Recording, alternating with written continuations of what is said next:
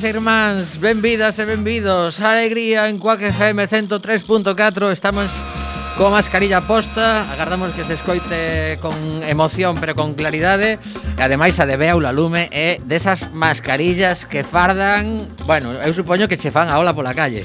Home, que menos. Bueno, hai que dicir que foi un regalo da nosa querida compañeira Marta in Working, que a viu por aí e dixo, esta pavea.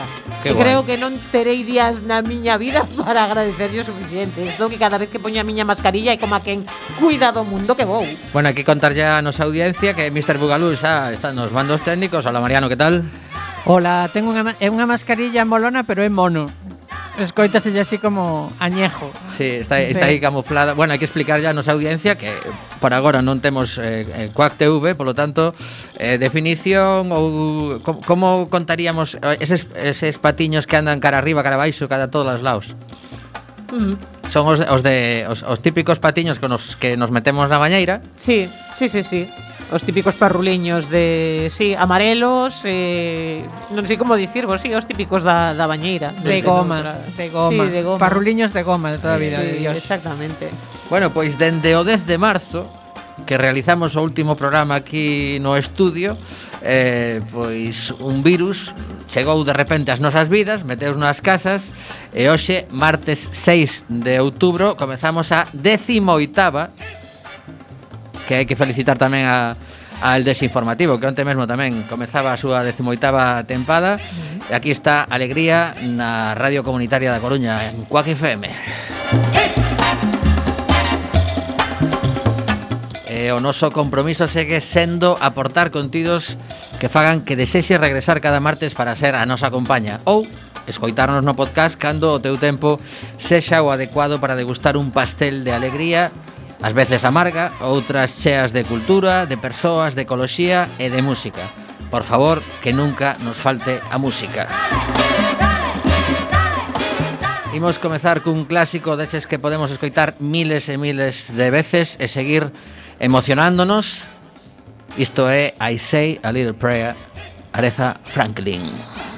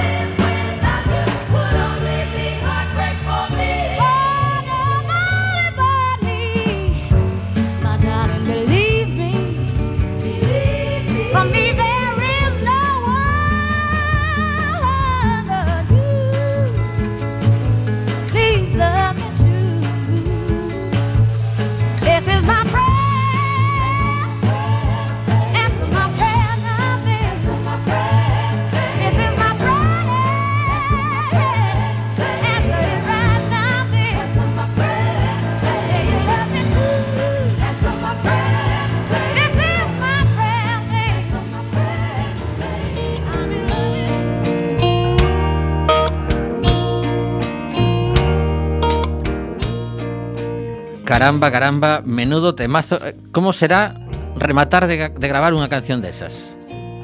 Bueno, tens que quedar máis ancho que un 8, vamos. Eu creo que cousa unha, unha mariscada ali en, en Memphis onde carallo sexa e decir, bueno, esto hai que celebralo, pero vamos, porque aquí saímos con millóns e millóns de copias vendidos. Debe ser un, un, un tema... Esta que fora das de Muscle Shoals. Pois pues eu creo que sí, eh. Porque se si foi desa foi gravar eh marchamos para Detroit, que isto está isto de gravar nunha plantación de, al, de algodón non nos mola nada. Foi unha cousa así como Non quero meter a pata, pero sería que sí, que é o disco do ano 67 no que se foron ali a Alabama, eh cada un aportaba así os arranxos a caída e moitas veces pois a propia areza, porque esta esta canción hai que dicir que a letra non é súa, é un, un par de compositores, pero bueno, virguería absoluta, eh, e o gallá xente se anime, por certo que este xoves en Coruña que tamén non traio as cancións así ao show, este xoves en Coruña hai a proxección a estrela da proxección do documental de 1972 Amazing Grace, un disco doble que grabou Areza nunha igrexa en dous días consecutivos, eh, clásicos do gospel, arranxados por ela mesma, cun piano, cun coro espectacular, e foi unha, unha grabación que, que ten unha serie de curiosidades quedaría para falar un bo, un bo tempo aquí, pero tampouco nos imos deter. Dicir simplemente que mm, quedou agochada por diversos motivos que que podedes buscar porque hai diversas entrevistas ao respecto de por que se lanza esta esta cinta o ano pasado non chegou a Coruña ata, ata este vindeiro xoves pero sí que se estreou en Galicia estivo eh, tanto en creo que en Ferrol e en, en Santiago de Compostela tiveron a ocasión de, de vela e um, foi rodada por Sidney Pollack e unha das curiosidades é que na igrexa estaba eh, pois, o coro gospel negro, Areza Franklin negra, o público maioritariamente negro e todo o persoal de rodaxe da película eran brancos.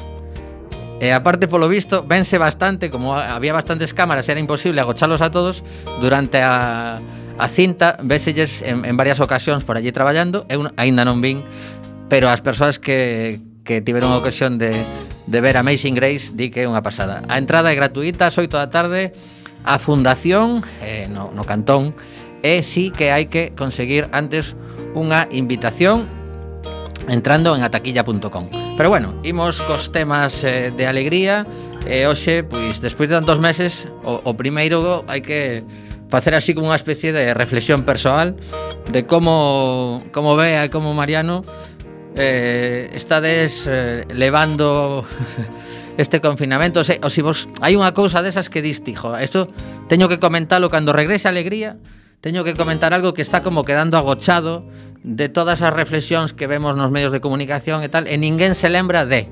Non sei se tedes algo así que, que, vos, que vos queime por dentro. Eu teño por aquí algunhas novas que, que o mellor podemos ir comentando, Pero, pero bueno, primeiro, si, si tedes algo que comentar, pois pues, adiante.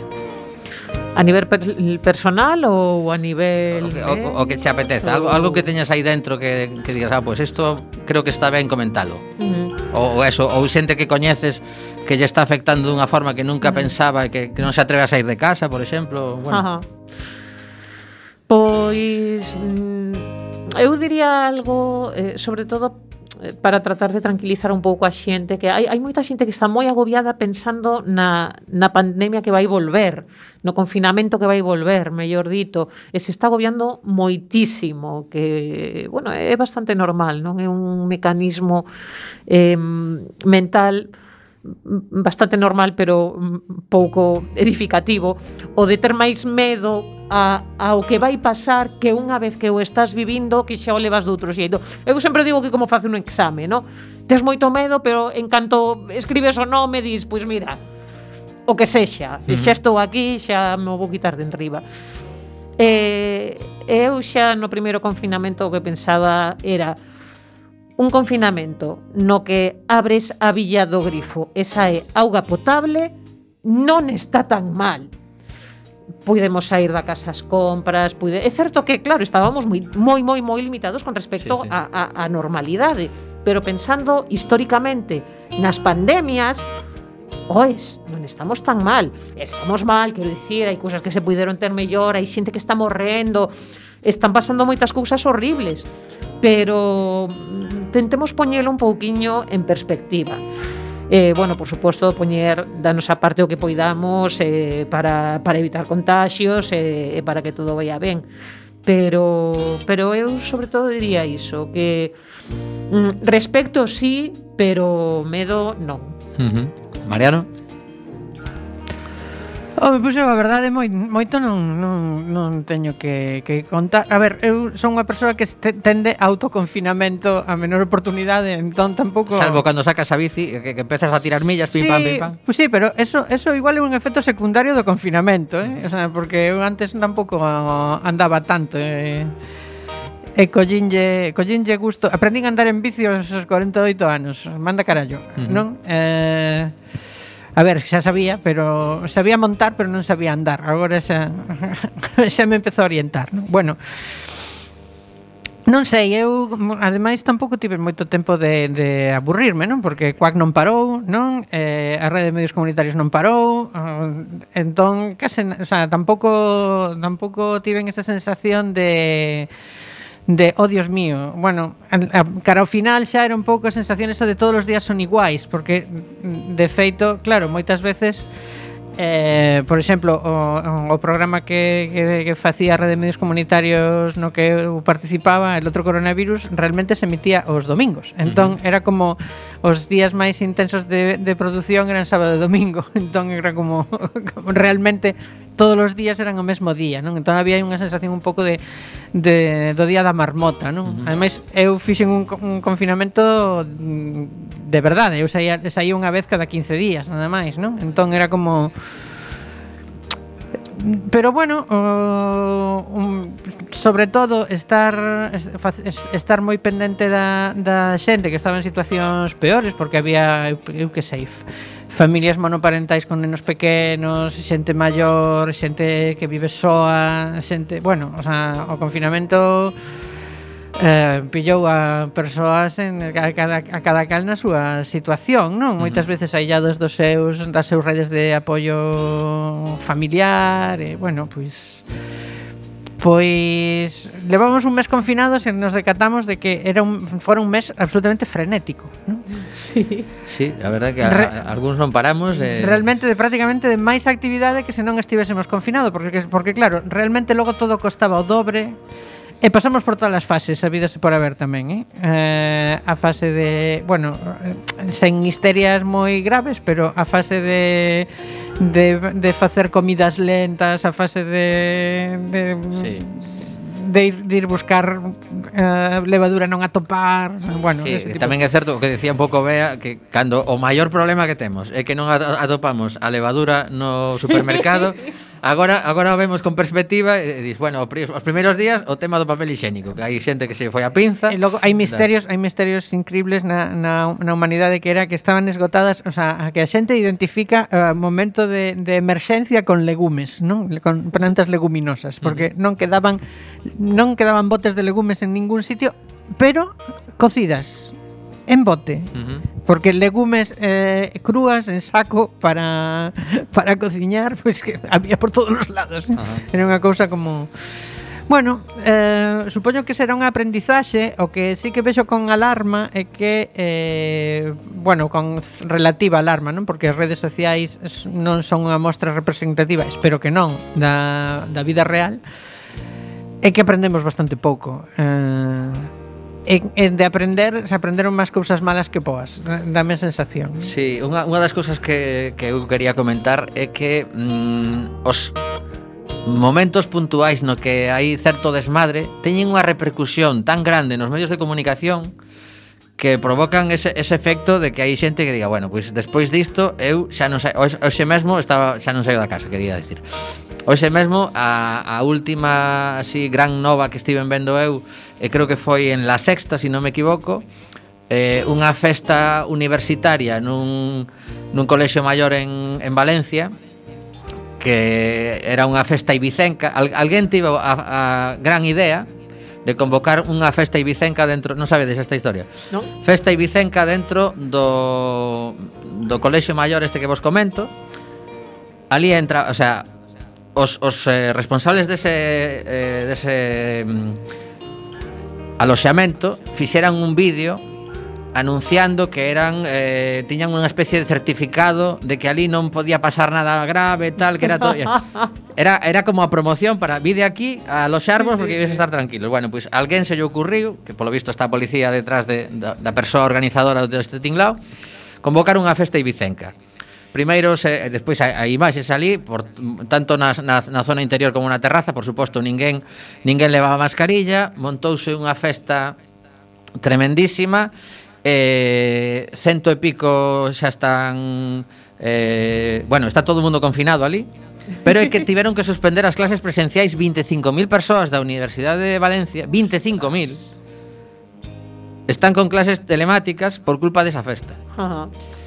E claro, Tamén o outro día, non sei se escoitáchedes, eh, na, na antigua rúa Juan Canalejo, agora rúa Socorro, tamén un artista que se dedicou a facer unha festa privada de nun pub, uh -huh. pero di que era unha festa, festa pechada eh, uh -huh. e tiña unha cámara enfocando para ver quen, quen chamaba ao exterior, sí. e cando chamou a policía pois claro, non abrían e a policía dixeron hai que non abrides, bueno, pois veña re, reventaron a porta, ali estaba todo o mundo en desmadre absoluto e claro, cada caso deses que aparece en algún lugar a repercusión mediática tremenda e o resto dos locais que están cumplindo desde fai un montón de meses ou incluso moitos pechados, sí. pero pero os que están abertos e cumplindo as normativas teñen que collerse un rebote absoluto. Tamén hai que dicir que que un pouco o que nos toca a nós tamén, non?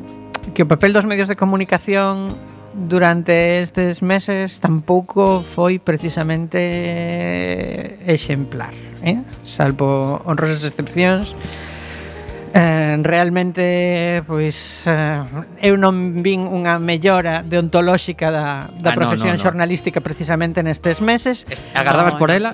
Eh, Inocente de ti? Eu, a ver, eh, sempre eh, eu os, os optimistas antropolóxicos que diría outro, eh, sempre sempre pensamos que nun momento de extremada gravidade, pois a xente vai entrar o sentidiño e a responsabilidade e, e non. E non, entón, eh, pois a prensa estivo máis amarilla que nunca, eh, un sensacionalismo galopante, eh, mm, fomentando a polarización, bueno, unha cousa bastante bastante grave ao meu modo de ao meu modo sí, de ver, e eh, que deixa claro pois cousas que nesta casa levamos dicindo moitísimos anos, non? Que que non abonda co co que hai, que a xente precisa Bueno, que hai uns dereitos que ninguén está a protexer, que son os dereitos do público a recibir información e opinión veraces, eh, e que é unha prioridade democrática de primeira orde garantir uh -huh. eses dereitos, porque, lembramos, non, non existe un dereito a mentir. Eh, a liberdade de expresión non cubre cousas que non son objetivamente eh, certas, non? O sea, se días unha información falsa, eso non o cubre a liberdade de expresión. Eso é outra cousa. De feito, ataca a liberdade de expresión. É outra cousa que está demostrado é que, ademais, cando publicas algo sabendo que, que non é certo ou que ten mm, bastantes datos que se, que se eluden O problema é cando mm, por, por unha sentenza legal tes que facer a rectificación xa digamos que é moi difícil remontar o que o que o que quedou na cabeza da xente. E que tamén hai artistas das das rectificacións, eh? Que hai rectificacións que mellor que non que non se fagan porque o que fan é remachar a nova e simplemente o que din é E a outra parte di que isto non foi así. Non, iso non é unha rectificación, vale? Iso é outra cousa. O que pasa é que tamén é certo que como non está estipulado moi concretamente como se ten que facer unha como se ten que exercer o dereito á rectificación e os códigos deontolóxicos, pois eu recomendo a súa, a súa lectura como documentos de humor porque son super graciosos os códigos deontolóxicos dos medios ti os lees e logo escoitas o medio ou, ou lees o medio e dis, bueno que, bueno Entón, bueno, pois que vamos, que non abonda, que non abonda que a xente nunha situación tan crítica como esta, cando está recibindo mala información, pois eh, acaba tendo malas ideas. Uh -huh. Bueno, creo que un momento estupendo, a 6 e 21 minutos para recuperar esa sintonía da Econova que sempre nos trae información que ten que estar moi presente porque, vale, estamos nunha pandemia mundial, pero en paralelo Continúa toda a problemática do cambio climático, así que contamos con Bea para que nos axude un pouquiño a poñer o noso graniño de area. Sintonía. Sintonía.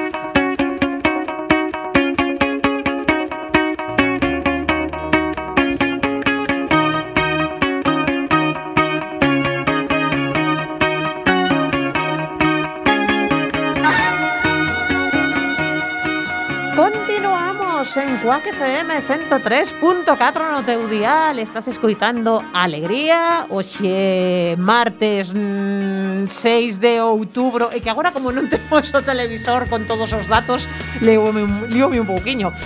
6 de outubro de 2020 eh, son as 6 e 22 minutos, 23 minutos agora mesmo da tarde. Xa sabes que se non nos escoitas neste día en esta hora, é eh, que estamos en redifusión. Antes que nada, antes de empezar coa Econova en sí, gustaríame lembrarvos que temos un Facebook estupendo, Alegría Coac FM, onde podedes poñer pois eh, o, o que opinades do que estamos falando, as vosas reflexións tamén sobre a pandemia, o confinamento, os medios, ou o que queirades, eh, ou agora, pois, sobre as Econovas, se eh, vos dá por aí. Empezamos cunha noticia que me chamou moito a atención. Eh, sabedes, bueno, que nos últimos meses, anos incluso, se está falando cada vez máis dos microplásticos, que bueno, que se ve que están en todas partes, que incluso chegaron á Antártida, que non se sabe moi ben o perigo ou non que pode eh, causar nos organismos, pero se sospeita que o que é bo, bo non vai ser. Ben, pois agora resulta que podemos xerar microplásticos incluso abrindo envases de plástico, así xa para mm, rematar a, a faena. Todo Só abrindo. por abrilos, efectivamente. Hai un investigador dunha universidade de Newcastle en Australia, bueno, un equipo de investigación eh, liderado por Cheng Fan, que evalu evaluou a xeración de microplásticos durante cousas tan do día a día como abrir un envase de chocolate, cortar eh, unha cinta de sellado do típico paquete que pides eh, por correo ou abrir un tapón dunha botella de plástico. A xeración de microplásticos durante estes procesos confirmouse mediante probas químicas e de microscopía. Os autores descubriron que se xeraban diferentes formas e tamaños de microplásticos durante o desgarro e o corte, pois dependendo do, do, do que fose, do tamaño, da densidade, moitas cousas. Pero os resultados sí, efectivamente, suxiren que certas accións cotidianas poden ser fontes adicionais de pequenas cantidades de microplásticos, aínda que o risco a posible toxicidade e a forma eh, en que poidan inxerirse todavía pues, non se sabe, se está investigando. En todo caso, o de sempre. Se podemos evitar cousas de plástico, evitémolas, xa non só polo tema dos microplásticos, pero tamén polos microplásticos. Continuamos con, co tema plásticos precisamente agora que falábamos da, da pandemia, o confinamento e todo isto Claro, nos últimos meses aumentou moitísimo o plástico de usar e tirar. O medo ao contagio aumentou o uso de empaquetados e de bolsas de plástico. O contedor amarelo enchese agora mesmo un 15% máis dende que empezamos co, co tema do confinamento. Incluso entre a cidadanía que limitara o mínimo o plástico nas súas vidas pola conciencia medioambiental, pero oes, o medo é o medo. Ás veces non só o medo por nós, ás, ás veces é por medo de contaxiar os demais. Entón, eh, eh eu debo dicirte que tamén o fixen, eh? en segundo que cosas nas que podía evitar plásticos evitaba, pero había noutras que dicías, bueno, estamos vivindo estes tempos, hai que saber vivir cos tempos, entón, bueno, do que se trata é de mm, facelo cando toca en cando podamos deixar de facelo pois ir relaxando ese tema outra vez e volver a, a tratar de evitalos. Ah, antes da Covid ao redor de 13 millóns de toneladas de plástico vertíanse nos océanos cada ano, segundo cálculos da ONU. Así que bueno que por esta razón agora vai a ser máis eh, bueno, ia dicir comprensible, a verdade é que non, de, non deberían rematar nos océanos, pero bueno, a ver, sabemos que vai ser así, desgraciadamente. Pero pero bueno, en todo caso, tratar de tratar de evitar en, en canto poidamos.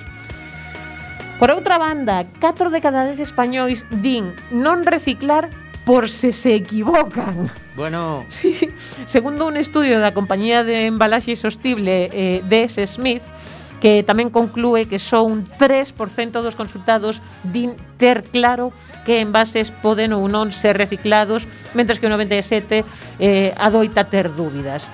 Eh, eu debo dicir que home, non vou presumir aquí, pero algo sei de temas verdes, pero sí que é certo que, que hai moitas veces, sobre todo o típico de mm, este papel que ten aceite, onde o tiro? Se ten moito e ten pouco, o tiro no mesmo sitio ou vai a sitios sí, diferentes sí. e tal. Eu teño unha dúbida chorras que seguro que ao mellor incluso xa resolvo agora. Uh, os sobrinhos das, das infusións.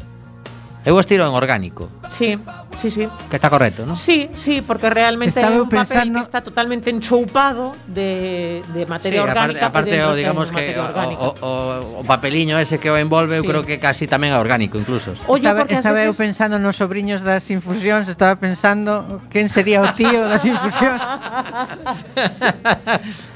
sí, sobreciño sería máis correcto, sí. efectivamente.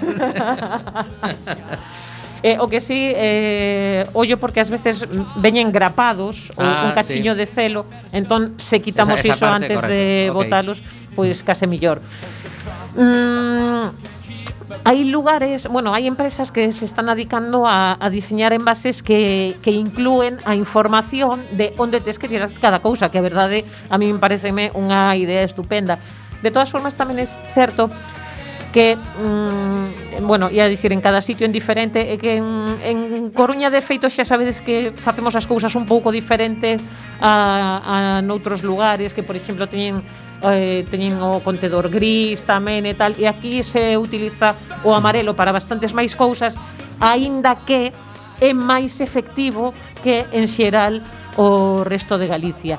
Eh, entón, no noso caso específico da Coruña, E un día, pois, eh, falando precisamente coa que foi eh, concelleira de Medio Ambiente na corporación pasada con María García, que lle comentaba que eu moitas veces teño dúbidas e tal, ela me dicía, mira, eh, aquí o que, o que precisamos é que mm, é que o que vaia máis máis puro, o que teñas máis claro de, de esto sí que sei fixo, que vaia ben o, o de orgánica e o de papel A partir de aí, se tes dúbidas, ao amarelo, ao de mm. inorgánica. Ajá. Pero por principio o que queremos é que se sean o máis puros posibles o de o de orgánica e o de eh, o amarelo. Vale, Ese senón, vale. bueno, xa sabedes que sempre nos queda pois tentar consultar en en, claro. en internet, que bueno, pois pues, que, que supoño que é pode... mala idea é, por exemplo, as, as libretas que teñen unha espiral de, de ferro, mm. tirar directamente iso no, no contedor de papel. Eso facemos no. moito ou o típico feixe que va coa grapa, e va, que máis dá, é unha grapa, ou tiramos coa grapa. Bueno, pois pues,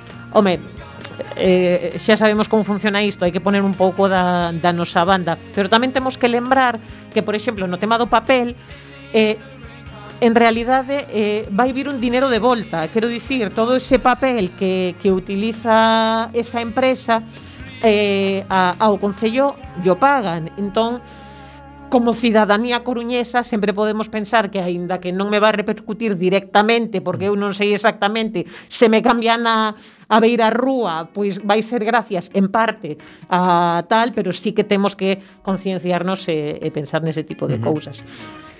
E logo se teño un pouco teño máis tempo ou como mm, imos? Mm, casi deixamos para vindeira semana, porque okay. imos escoitar unha cancionciña. Sen problema temos... porque non é urxente. Tiramos. Pois veña, pois eh, outra recomendación para este venres a xente que lle guste a música en directo e que aínda se atreva a ir a concertos ás 9 da noite no auditorio de A Fábrica en, en Santa Cristina temos a, a unha artista madrileña que está facendo cancións moi chulas como esta que imos escoitar chamase Ainhoa Buitrago. A entrada é libre pero hai que coller convite como todo está eh, pois moi limitado o aforo. Eh, a canción titúlase Dispárame Dispárame.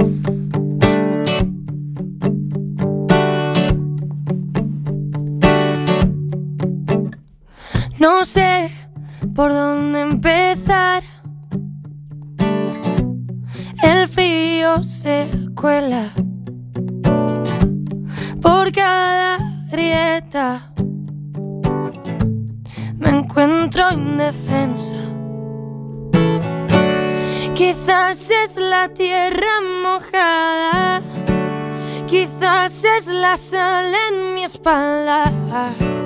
Quizás es el agua que emana ay, cuando me estremezca. Dispárame, dispárame, dispárame, dispárame. eh, eh, eh. Dispárame.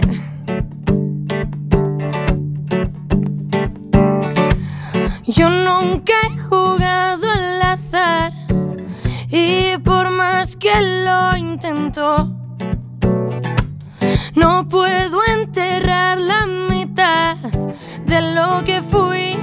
Contigo el siniestro es total y absolutamente inevitable. Me encuentro cantando tus versos al aire, llueven las heridas, arden melodías, las veo perderse en tu oh, oh, oh, oh. Dispárame, dispárame, dispárame.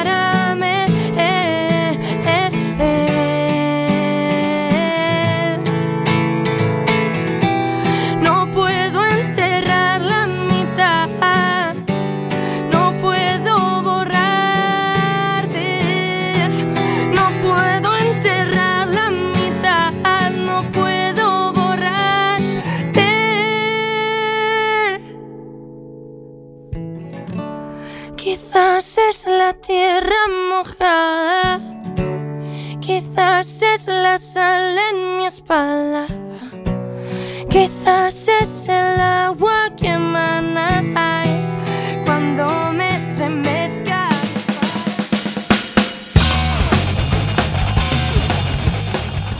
Deixamos a voz de Ainhoa Buitrago e viaxamos cara ao sur de Galicia para outra voz femenina, Elba Pedrosa. Hola Elba, que tal? Hola, boa tarde. Pois eh, soa moi entusiasta esa, esa voz. Estás en Bayona? Pois agora mesmo estou en Vigo, non estou en Bayona, sí. Bueno, pois Elba Pedrosa é eh, unha muller polifacética que fixo a súa carreira de, de xornalismo en, en Madrid, pero imos, imos remontar un pouquiño a, a túa infancia. Naces nas Canarias, eh, eso foi unha casualidade, a túa familia estaba ali instalada, contanos como, como comezou a túa vida. Sí, bueno, unha, unha casualidade, unha causalidade, eu, eu xa non sei, pero que, que sei que tamén teño nome de illa. Entón están as cousas un poquillo así conectadas, parece pois eh, os meus pais estaban a traballar ali na, nas Canarias eh, e na O que pasou é que tiña unha alerxia eh, importante ao polen das palmeiras, eh, daquela tivemos que, que regresar para, para Galicia, porque os meus pais, a miña familia é, é sempre galega. Uh eh, -huh. eh, vives agora en, en Bayona, pero a, a familia tamén era desa zona ou andiveches dun sitio para outro?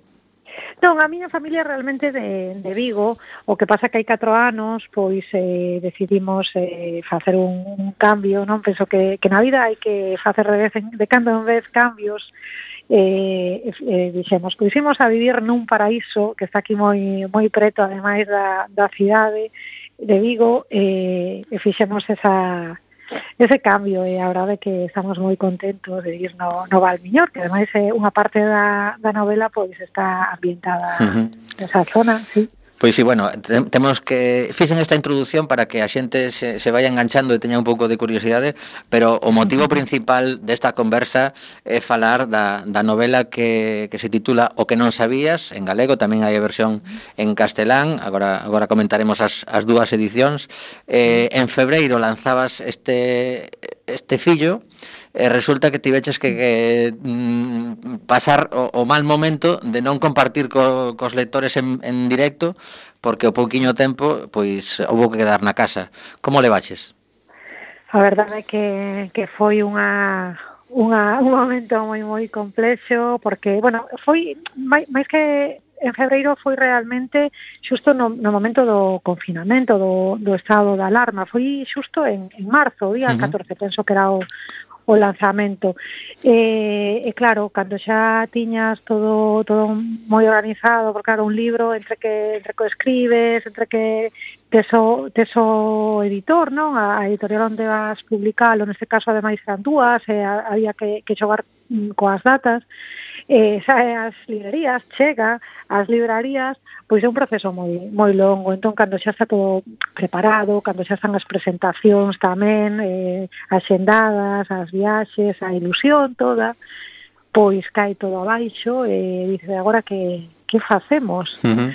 E bueno, un pouco o que lle pasou a, a moitísima xente, non? Que tiña proxectos que, que saían xusto nestas, nestas datas e, bueno, ao final o que hai é que, é que adaptarse ás novas situacións e o mundo seguía a furrular, así uh -huh. que bueno, adaptado. Fixeches eh, presentacións a través de mm, destas de eh, conexións en, en Instagram ou algo así, tiveches esa oportunidade? No, a verdade é que, é que non plantexamos esa ningunha das dúas editoriales, editoriais optaron por esa por esa solución porque, bueno, que sí que é certo que si ven presente nas feiras do libro, que sí que se se fixeron en Galicia e nas feiras de, de Santiago, por exemplo, que foi a primeira que se hizo, eh, ademais a, a nivel nacional, eu digo, e do mundo, porque penso que, que naquelas datas non había non había ningunha feira, ningún uh -huh. evento cultural tampouco. Eh, se iban as feiras do libro asinando, eh, ainda que non eran presentacións, pois, pois sí que foi un xeito, dende logo, de, de estar un pouco preto dos, dos lectores, non? Eh, e ademais disto, pois sí que tamén o Día do Libro, pois as librerías organizaron Federación e as federacións de editoriais e de, e de libreiros organizaron algún evento nas redes sociais e, e lin algunha parte do, do libro, eso sí que iso sí que uh -huh sí que o fixen, pero bueno, teño... presentación, sí. No, perdón, que, que estabas, eh, estabas acabando. Eu eh, que mm, teño, teño xa mm, pois eh, un pouco de ansia por falar do texto en sí. Eu tiven a ocasión de, de coñecer a Elba en persoa, regaloume esta novela, xa lle dixen en un, nun par de ocasións que estou enganchado, pero que vou degustando, aparte que teño pouco tempo, vou degustando eh, este texto e a verdade que, que quero felicitarte unha vez máis e públicamente porque Mm, tanto o que contas como como non lo estás contando, eu estou vivindo intensamente esa historia desa, desa familia galega que creo que mm, mm, pode, mm, podemos dicir que, que houbo moitos eh, casos como que ti estás contando nesta novela, verdade?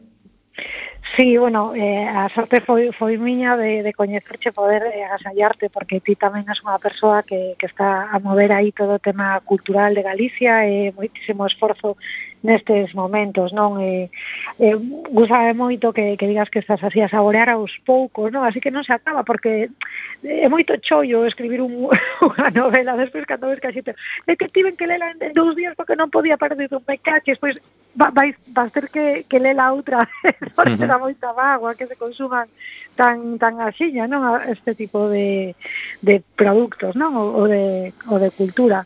Pero sí que sí que é certo que, que a historia que, que contamos, non? Ou que conto no, no, neste libro, pois é unha historia de moitas persoas, de moitas xentes galegas que, que tiveron que emigrar a América, por exemplo, a historia de moitas mulleres que tiveron que aturar situacións mm, complicadas, eh, bueno, moitos temas tamén de mm, condicionamentos eh, sociais da, das épocas, E, e tamén é a historia de moitos rapaces novos que, que se senten incomprendidos nas, no, seu, nas, no seu entorno, nas súas familias, non, non só no, no entorno pois, eh, das escolas, senón tamén na, nas familias. Non? Así que penso que é a historia de, de, de moitos de nós. Uh -huh. De feito, eh, Marisa, que é a, a nai desta familia, eh, vive ese eh, esa, esa eh, non sei como chamarlle exactamente esa mm, dúbida constante de se tomou as decisións correctas, creo que algo que está na historia da, de cada persoa pois nos pasa moito, pero neste caso, claro, hai, hai condicionantes eh, moi, moi fortes. Isto de falar dos libros, cando, cando sabes cousas que non queres desvelar demasiado, pois ten o seu truco, non? Pero tamén é certo bueno. que, no, que, que nos, nos gusta que a, que a audiencia diga, ah, pois isto que nos están contando me está chamando a atención. Entón, eh, do, do que ti crees que podes contar, Como, como lle dirías a, a xente que nos escoita que, que debe afrontar a, a túa novela? Pois eh, eh, o que non sabía é unha novela Eu diría que eu gustaríame ademais que que unha que fose unha novela para para reflexionar, para é un convite a, a reflexión sobre sobre a vida, sobre distintos aspectos da vida, sobre, por exemplo, mm, a liberdade, eh, a liberdade que temos as persoas na vida. Realmente existe o libre albedrío, non? Que, que é algo que, que está plantexado tamén dende, dende o ámbito da neurociencia, non? Realmente somos libres para elegir na vida ou, ou ás veces xa está todo máis que dado, máis que feito polo, polo noso propio eh, con, eh, entorno. Pois hai que pensar nisto, se as decisións que tomamos e os camiños que, que imos eh, aquelando, pois son realmente mm, os que nos queremos, porque no caso, por exemplo, de, de Marisa, pois ela pasou por unha situación eh, na súa xuventude que despois se eh, condicionaronlle moitísimo non ao longo da súa vida. Uh -huh. Sí que é certo, e vamos aquí a desvelar un pouquiño, porque penso que nesta época que, que vivimos non tan tan escura eh, e tan con tanta incerteza ¿no? que nos rodea, pois quero dicir que é unha que, que Marisa pois eh, é unha figura optimista, que ao final vai atopando, bueno, cousas que van enchendo a, a súa vida. E unos deixalo, así se que... Sí, outra, outra das cousas que, que utilizas, que creo que, que está, a min gustame moito, polo menos, eh, esa... Mm, empregar a, as cartas a, a unha persoa concreta, aínda aínda que puidese ser ficticia, Uh -huh para, para esa, esa reflexión, para incluso para desfogar, para sacar cousas que, debas, que levas dentro que te están incluso mm, pesando demasiado, non? Pois sí, eh, realmente as cartas que, que escribe Marisa a, un, a unha persoa que non está neste momento preto, preto dela, son unhas cartas que escribe dende a máis absoluta intimidade, non? Do seu cuarto, eh, polas noites, eh, bueno, penso que as cartas escríbanse sempre dese xeito, non? En, en soidade, eh, é unha voz pois íntima, non? Eh, si que dese xeito eh, é posible pois aportar unha, unha visión moi bueno, moi persoal, non? Da, das cousas que están a pasar en, contra, en contraposición, en contraste coas visións que, que ten os demás, non? Os demais membros da familia e tamén da sociedade. Uh -huh. Marisa, grazas a estas a esta voz, non? A este discurso intimista, pois pode expresar realmente o, o que pensa. Mira, acabo de lembrar ahora mesmo que, que non, non o tiña na cabeza para nada que nos primeiros anos de Quack FM, estamos a falar do ano 96 a 98, recibíamos cartas dos de, de ointes. E teño e teño para algún sitio guardadas e, e, e nunca máis. E, algunha algunha vez así despistada chega algunha postal por aí pero pero sí que que é algo descubrir a letra de algunha persoa que non coñece pero que te escoita e que te quere contar cousas a verdade que que emocionante. E supoño que que agora mesmo eh, pois eu non lembro a última carta que escribín a Boli porque temos o móvil para todo eh, e, eh, bueno, ao, ao mellor eh, con, con isto do mm, do, da vida slow que, que se plantexan algúns, seguro que sería unha, unha das terapias sería voltar a, a escribir cartas. Pero bueno, imos seguir eh, aproveitando estes minutos de entrevista, aínda que non descartamos volver a falar con, con Elba, porque eh, estás metida en moitas cousas. Entón, eh, bueno.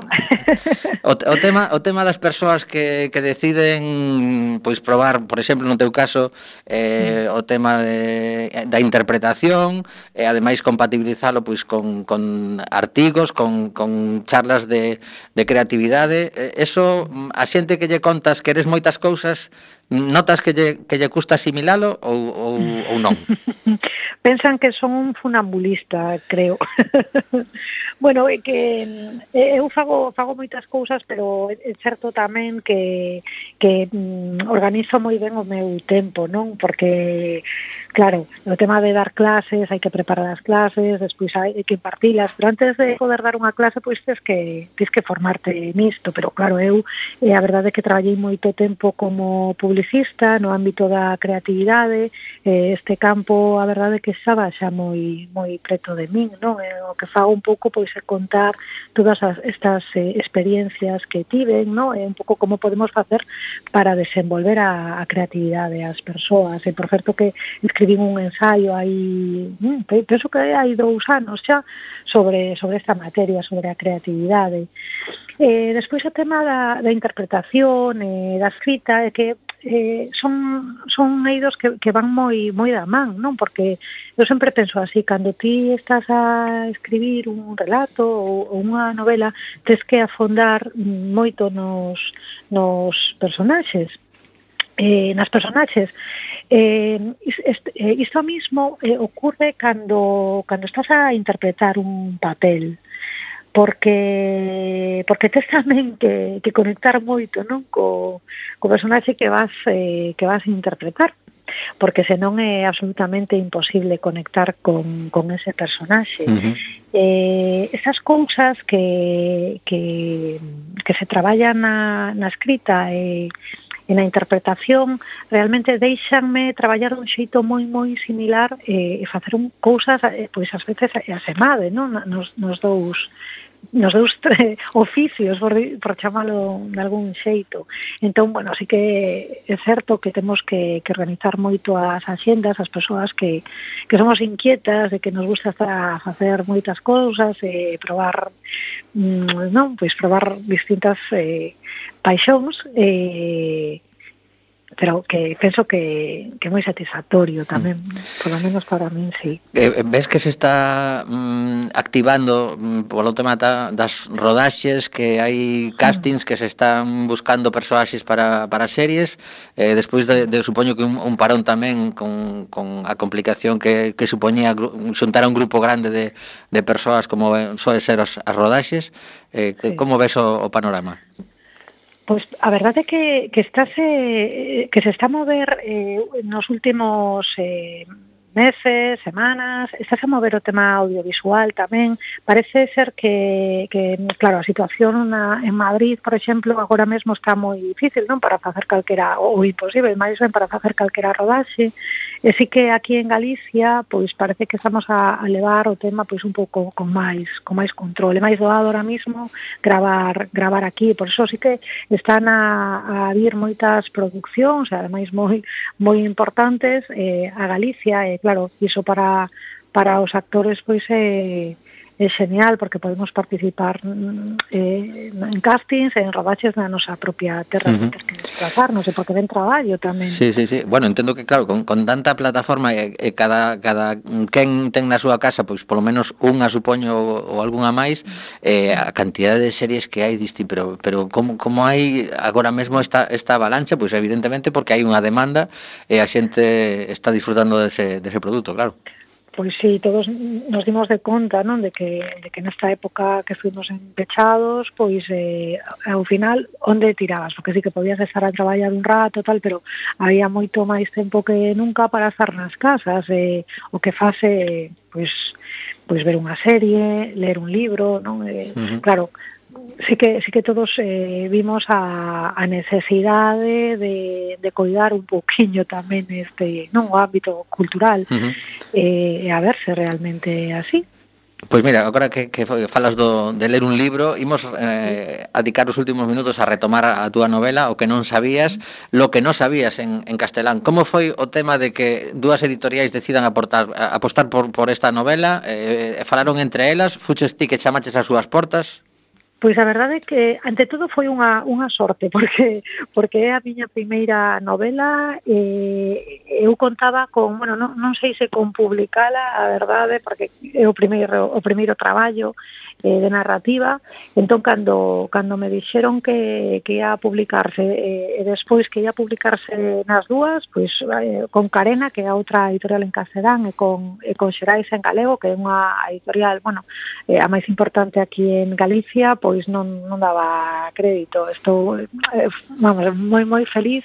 Eh, eu teño un representante eh, literario que, que moveu un pouco fixo estas, estas xestións e, e saiu, saiu deste xeito, pero que, claro, non, non foi non foi doado, foi tempo de, de traballar, de retocar a obra, de, e despois de, de buscar as editoriais e ao fin pois saiu e, claro, disfrutando, gozando moito do momento, aínda que, que sempre queda a mágoa, non? De que aínda non puiden presentar a miña primeira novela e morro de ganas por facer. Uh -huh. Bueno, pois pues a ver se si nos, claro. nos vindeiros meses xa empezamos Uy, a, a respirar un pouquiño, non está doado, efectivamente no, que no. as novas que recibimos vivimos cada día pois non fan mm. eh, ser demasiado optimistas en canto a este tipo de, de actos que ademais que moitos deles, claro, moitos deles son en, en, en librarías que xa teñen un público fiel que se chega ali, pero realmente os, os aforos que se poden permitir mantendo as, as distancias, pois en, en, en moitas destas librerías estaríamos falando mellor de 5 ou 6 persoas que claro, hai que hai que ser conscientes de que que temos que valorar o, o esforzo en cada caso para sair de casa para, para estes aforos. Entón, temos bueno, que ter un pouco máis de paciencia e, e penso que de responsabilidade tamén, e agora non queda outra que que agardar e cando sexa o momento, pois será, pero na se poden facer outras cousas, uh -huh. penso, eh, que sí. Pois sí, pois o que non sabías, eh, lo que non sabías para a xente que prefira buscala en castelán, unha, unha novela que, que bueno, eh, aínda aínda vos falarei máis dela cando remate, porque me, me queda un pouco máis un pouco máis da metade aínda aínda me queda. Elba Pedrosa. Sí, sí. Moitísimas grazas por esta charla. Estamos en contacto e que iso, que se siga vendendo, que sei que o, o libro está está tendo boa resposta do público. Supoño que o boca a boca ao final sempre fai que que algo chegue a a moita xente, non? Pois sí, grazas pola vosa axuda, porque desde logo que é moi importante que estas recomendacións das lecturas, non? O que gusta, o que non gusta, pois, pois claro que é gran, grande axuda. Pois nada, que siga a creatividade e eh, moita forza. Moitísimas grazas, Toni. Bueno, Saúdo. Saúdos. Saúdos. Pois temos eh, os últimos minutos de alegría, hai que dicir que regresa hoxe tamén ese, ese fantástico programa que é Recendo, eh, realizado pola xente da Asociación Cultural Alexandre Bóveda, que hoxe van a entrevistar ni máis ni menos que a Banda da Loba, unha das, eh, das bandas galegas, toda, fei, toda composta por mulleres. Estou convencido que vai ser un, un programa estupendo que comenzará a sete en punto. Pero antes, temos aquí os últimos minutos de, de alegría para despedirnos. Eh, dicir que foi un, un, unha desas cousas que mola volver a tocar esta, esta mesa de madeira de cuac, ver a mascarilla supermolona de, de Bea, Eh, eh, eh, Mariano, só por iso valeu a pena o programa. Di que sí, Mariano, como como van os, os mandos técnicos? Como está? Está todo no seu sitio por aí? Sí, eh, aquí botándolle unha man a a Recendo porque Recendo o fan dende a súa casa. Entón, bueno, van debutar na, dende a súa casa. Vale, vale, vale. Pois pues, nada, hai que comentar que eh, no estudio de, de Quack FM, no José Couso, habitualmente temos seis micrófonos instalados, pero para manter as distancias de seguridade agora mesmo eh, non podemos estar máis de tres persoas dentro do que é o locutorio e eh, o, o técnico de son que está, pois en este caso Mariano, eh, o, o tope máximo agora mesmo poderíamos convidar a unha persoa máis. Bueno, e a maiores se, se estaba dubidando se entrar en coa que agora con este tema non sabíades moi ben o que tal, pois xa sabedes, eh, podes facer o programa eh, eh, físicamente dende o estudio ou virtualmente dende a vosa casa, así que nada, escribide a comunicación arroba cuacfm.org eh, eh xa en canto poidamos damos as formacións, en nada estades facendo programa como que irades. Dende Claro, claro, que irades. a ver, que agora mesmo estás en Australia ou estás en Irlanda, podes facer o teu programa en Quack FM. Isto hai que valoralo porque podemos chegar a todo o mundo. Bueno, despedimos xa.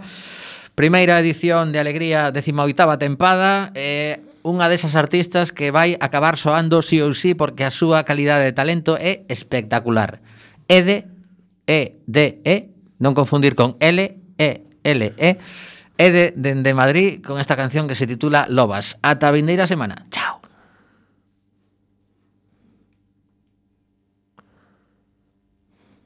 Ten tanta sed tengo tanta hambre, arde la ciudad, ellos no lo saben, sangran sin parar, viven sin aliento, pero yo, yo abro los ojos sin pedir Tengo el silencio a pleno pulmón.